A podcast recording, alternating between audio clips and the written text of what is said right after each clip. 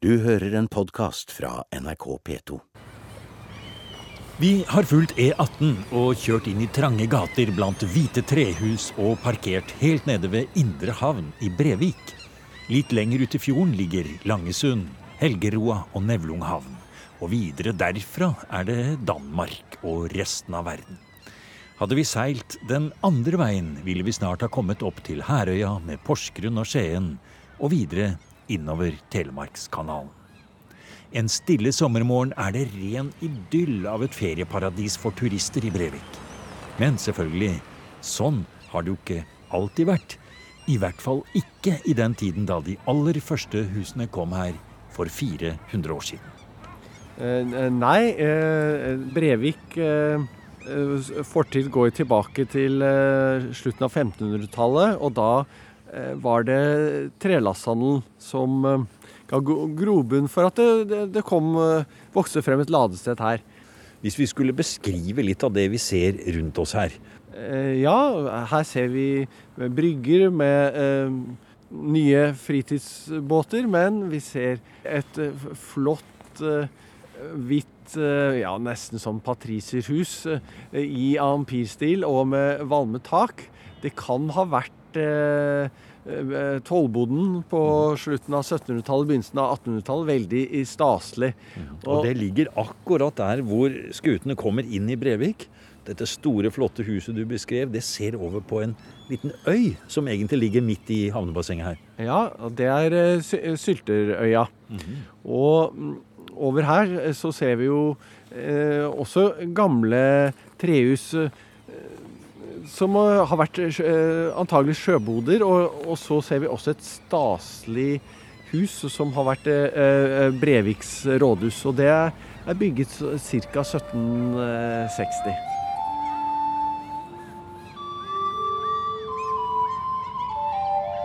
Det er datidens popmusikk vi hører blande seg med måkene i Brevik, stedet der den norske sjøhelten Kort Adler vokste opp.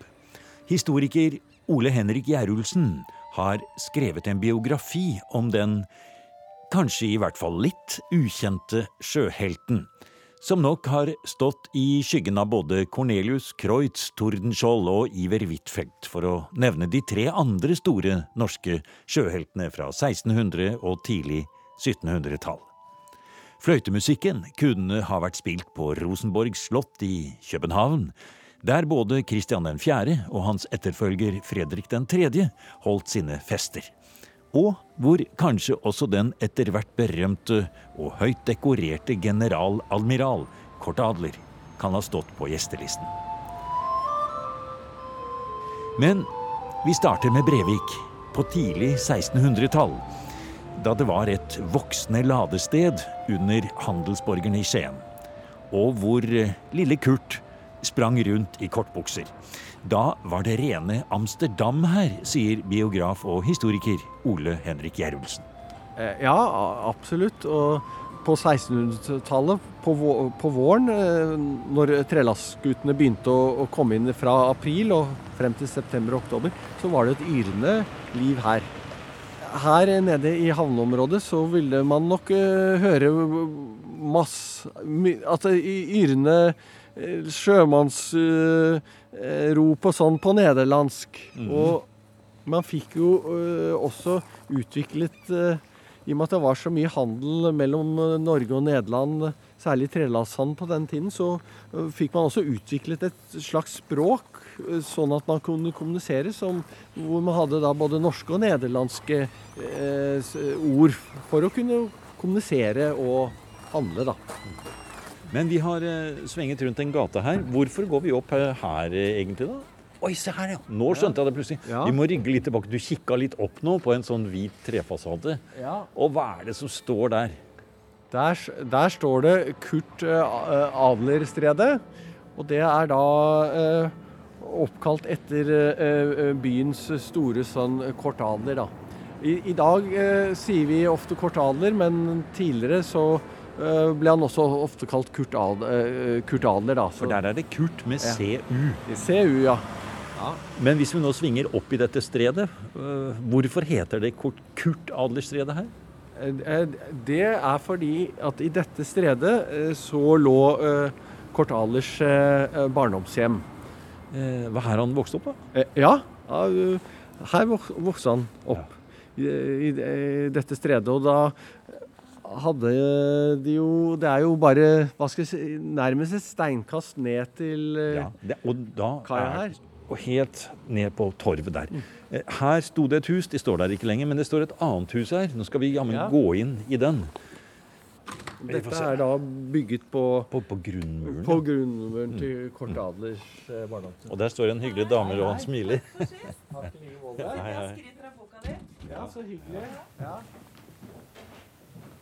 Det er Amalie Ree i butikken Trehuset som lar oss slippe inn for å se på det som kanskje, kanskje kan være rester etter barndomshjemmet til vår helt. Og så var det jo en hage der nede med hvor eh, ja, grisene og hønsa gikk løse, og det var jo strand. Det var jo ikke bygd opp noe. Så det her var jo på en måte en gang ned. Um, og så var det jo trafikkåren også der, og det var jo ikke hus på oppsida her, så det lå jo veldig for seg sjøl, egentlig. På denne adressen bygde Søfren Jensen hus i 1620-årene. I tillegg til å være Kurts far, var han tidligere fogd, bestyrer på saltverket, og solgte nå trelast til nederlenderne, som kom med skutene sine til Brevik. Dette er noe alle vet i Brevik. I hvert fall kjenner Amalie Re sin alderhistorie ut og inn. Det gjør jeg, eh, og det er veldig spennende. Det er en fantastisk historie, for det første. Eh, Og så tror jeg faktisk vi fant grunnmurene her om, ja, for et par måneder siden. Ja. Ja, Etter brannen, ja. Vi er fortsatt ikke overbevist om at det huset her brant. Eh, Men vi tror det var et mye mindre hus, eh, og at de grunnmurene fortsatt er her. Skal vi gå bort og se? Det har vel du lyst til å se, Ole? ja, selvfølgelig. Det er spennende. For dette er eh, Ja, det her er en Det er ikke bare garnbutikk du har her, men det er alt mulig rart her, ser jeg. Her er det kunst, design, håndverk, Ja, eh, Ja. Brevikskofta, litt forskjellig. Nettopp. Du har tatt bort noen stoler og rydda bort noen kasser. Og peker du nå inn, og så peker du ned der på en sånn hvelving. Å, det er en sånn gammel, gammel grunnmur, ja. Det er en kjellerhvelving vi ser her. I tegl og støp. Og den ser jo ut Går den videre innover, eller stopper den der? Ja, og det er to sånne hvelvinger eh, på den muren her. Og det er helt unaturlig å ha midt inni et hus. Ja, det er jo Se på den. Du må se på den Ja. du også, Ole Henrik. Må du ikke rive ned noe her nå da, med ryggsekken og sånn? Du verden, ja. Så artig. Ja, det er veldig morsomt. Det var morsomt å se. Så det er, det er jo to store hvelvinger som ligger der, fra et tidligere hus som har stått her. Og nå har du teorien klar. Ja, altså jeg tror jo Det er det kan ikke være noe annet enn Kurt Adlers hus. For det huset som, som det står i dag, er bygd i 1776. Og det er jo den linken jeg leiter etter. Det er jo hvem eh, mor til Kurt Adler, Dorte, hvem solgte hun huset til når hun eh, dro til Kragerø rundt 1650, et, 60 et eller annet sted. Eh, det skulle jeg gjerne visst. For eh, fra 1776 så vet vi husets historie. Og i Brevik er det et helt Kort Adler-selskap. En forening vi skal treffe i det gamle rådhuset litt senere i programmet. Det er dit vi er på vei nå, i de idylliske gatene i kystbyen Brevik. Der hvor lille Kurt vokste opp. Men som skikken var, han måtte snart ta hyre og reise ut. Han var eh, bare 14 og et eh, halvt år. Så eh, reiste han eh, til den nederlandske byen Horn, eller Horn, som de vil Med to ord. Ja, med to mm. ord. Og det eh, er- i dag en by som ligger ca. fire mil fra Amsterdam, og som på denne tiden var en betydelig eh, sjøfarts-, og skipsbyggingsby.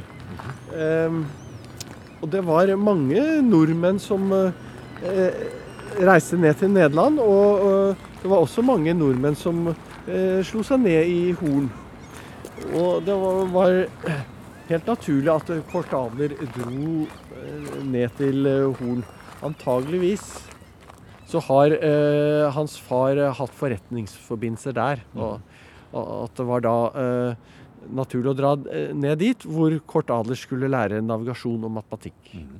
Vi går rundt her altså i Brevik, i de flotte gamle hvite husene og de fine små torvene. Og så bare ser vi her ved siden av oss, nå står det Brevik Arbeiderforening, stiftet av Markus Trane 24.8.1849. Det er mye rart som har skjedd her i byen, men vi holder oss til altså Kort Adler, som da ble denne berømte marinelederen, skal vi si, i Danmark-Norge, og var så godt som på toppen av hele flåten.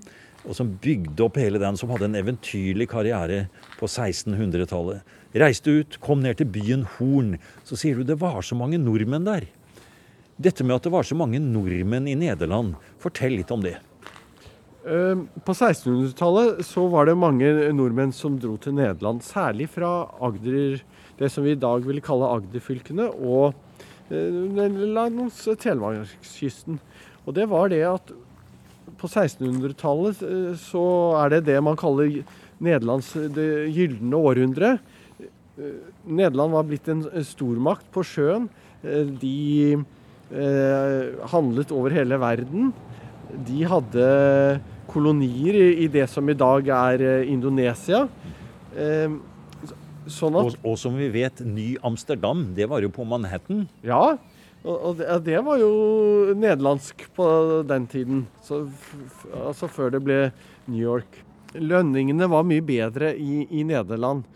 Sånn at eh, hvis vi regner det om til eh, riksdaler, da, som var eh, den valutaen man brukte i Danmark-Norge på den tiden, så var kanskje lønnen for en tjenestejente tre riksdaler i året, mens hun kunne få da tilsvarende tolv i, i Amsterdam. Altså en Fire gang. Fire gang. Firedobling for helt vanlig si, arbeid som ikke Men den unge Kortaller hadde helt andre planer. Han skulle aldri ta huspost noe sted. Selv firegangen i spesidaler i forhold til norske lønninger var ingenting mot de summene han etter hvert skulle få i lønn og ytelser. Og selv om byen Horn var fin nok, for alltid udødeliggjort av en av byens sjøkapteiner, som var den første til å kartlegge sydspissen av Sør-Amerika, så var det Amsterdam, og særlig København, som ble den voksne Kortadlers hjemby. Ja, man kan forestille seg at uh, Kort Adler han har jo haft sin arbeidsplass ganske tett på her. Og uh, han har jo også fått meget høy løn. Så derfor så har han lavet bygge en gård Ja, her på et meget mondant sted. Så vi er på vei til de fine strøk, ja. Ja, For nå går I et tidligere museumsprogram har vi besøkt Kort Adlers hus i Kristianshavn. Og da hadde vi den danske marinehistoriker Hans Christian Bjerg som cicerone. Men nå går vi over til the real thing. Nettopp. Ja. Og nå skal vi bort til det finere strøket på 1600-tallet. Så, Ole Henrik, vi, vi hørte her Bjerg sa at Kort Adler, han hadde høy lønn.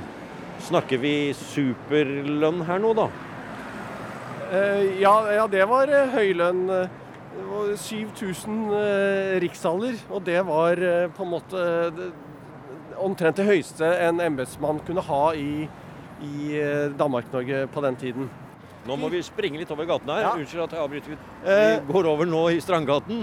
Eh, han tok bl.a. initiativet til eh, å eh, gjenopprette Det ostindiske kompani, som baserte seg med handel eh, med krydder fra eh, India. Så han kunne bygge hvor flott og stort hus han bare ville. Og det ville han her i Strandgaten. Eh, Og når vi ser her vi har kommet nå, så er det da eh, moderne hus på den ene siden ut mot kanalen. Men her, mot den andre siden i Strandgaten, så ligger de på rekke og rad, disse gamle, flotte husene fra 1600-tallet. Her har vi stanset foran en fantastisk flott grønn port. Og over der så ser jeg det står 1670. Vi er i Strandgaten 22. Her er vi i huset hvor Kort Adler bodde. Ja, det er riktig. Og han eide også huset ved siden av, Strandgaten 24. Så Riktignok nå er det tre etasjer her. På hans tid så var det uh, to etasjer. Men det var en uh, virkelig staselig bygård, dette her. Så her var det tydelig at her bodde en mann med høy status og anseelse. Skal vi prøve å lukke opp døren? Se der, å, den gikk opp! Dere, vi, vi får sjanse til å komme inn. Her kommer vi inn i portrommet. Det er en veldig flott uh, bakgård her. Fløyer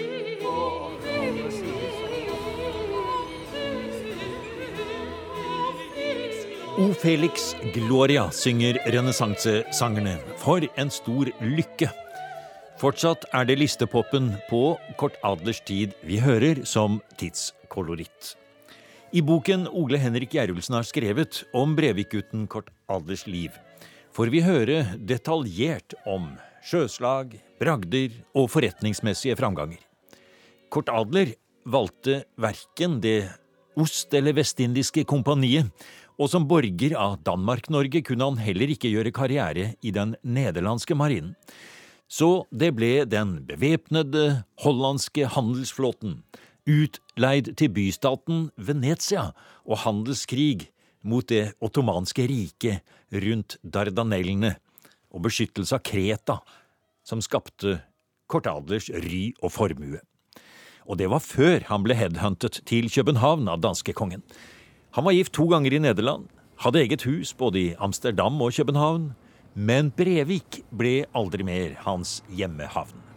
Altså Etter at han uh, først lærte seg navigasjon og så gikk inn i den nederlandske flåten, så var han på besøk uh, en syv-åtte uh, år, år, etter at han dro ut. Det, det vet vi i 1645. Ja. Men etter det så er det litt mer usikkert. Men faktisk, da han ble admiral, så, så har vi indisier på at han var en tur nede i Bratsberg, altså det som er Telemark. Mm -hmm. Og besøkte sin bror, kanskje? Eh, sin bror eh, Nils Adler. Ja. Eh, men han hadde da flyttet eh, til eh, Kragerø. Så, så, broren også tok dette kunstige navnet Adler, ja? Ja. ja. Han tok også eh, navnet Adler, som på tysk og nederlandsk betyr ørn. Mm. Og det har vært litt, Noen har spekulert i om kan det være at eh, morens familie tilhørte familien Ørn i Telemark. Men det kan også være ad, a, avledet av adelsborst, som betyr sjøkadett, altså offiserslærling. Eller at det kan være av ren forfengelighet, altså adler, altså den stolte ørnen Eh, ja, fordi at denne lille gutten som sprang rundt her borte på torvet i kortbukser og, og, lekte med hva var det hun sa, høner og andre ting som var utenfor og gikk i gatene der, ja. han eh, ble jo adlet og kom høyt opp, i, høyt opp på strå og fikk ordner og det ene med det andre. Og her står vi og ser på han. Ja, her eh, står vi og ser på statuen av generaladmiral Kurt Her står det Kurt Sivertsen Adler. Ja. Og, og, og, denne statuen den ble reist i forbindelse med 300-årsjubileet for Kort Adlers uh, fødsel i ja, 16.12.1622. 1622. Det er en sånn en byste på toppen av et uh, flott sånt lite granittmonument her, med kjettinger og liksom fin utsmykking og litt søyler og avtrappinger og ganske flott, egentlig, lite monument. Og så, på toppen der, hvordan var det han så ut? Jo, på toppen her så eh, ser vi et nokså sånn stolt og bevisst eh, eh, ansikt med en litt sånn rett eh, Ørnenese? Ja, litt stor, rett nese. Mm. Og så eh, en sånn flott parykk han har på seg her. Parykk, ja. Som eh, på en måte Det var jo i mote på denne tiden, og det kom jo opprinnelig fra Ludvig 14.s hoff, dette. og Kortadler var jo en forfengelig mann, om han var ø, opptatt av å ta seg godt ut. Og det finnes et portrett av han hvor han står i helfigur med hermelinskappe, og, og hvor han poserer med alle eh, sine utmerkelser og ordener som han fikk mens han var i venesiansk eh, krigstjeneste.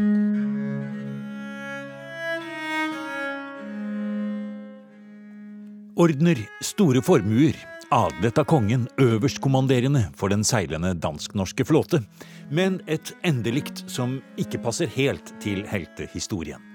Kort Adler ble rammet av en febersykdom om bord på flaggskipet, og døde av sykdom i sitt hus i Kristianshavn i København med landets fineste leger rundt seg.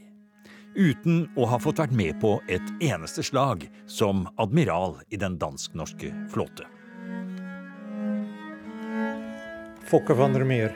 Rune Engen Glug. Jonny Sørensen. Frank Johannessen. Og dere er? Kortadlerselskapet. Ja. Vi er i Kortadlerselskapets møterom i det gamle rådhuset. Og gjennom vinduene i det staselige 1700-tallshuset kan vi se ut i havnebassenget, hvor de nederlandske skutene en gang lå og tok om bord trelast. Og bryggene, hvor byens store helt sprang og lekte for snart 400 år siden. Kort Adler-selskapet ble startet i 2011 som en organisasjon for alle som er interessert i historien om Kort Adler. Både til lands og til vanns, sier president Rune Engenglugg. Vi eh, ønsker jo å gjøre Kort Adlers eh, minne kjent. Eh, både sjøhelten og forretningsmannen Kort Adler. Og vi er opptatt av han og hans slekt, og hva de har, opp, hva de har oppnådd både i Norge og Danmark og andre steder. Så hovedoppgaven til selskapet er egentlig å gjøre Cortado kjent. Og holde samlinger og foredrag. Og så er det jo sånn at dette selskapet primært er et selskap for interesserte. Men det har jo dukket opp en god del etterkommere etter Kortadler.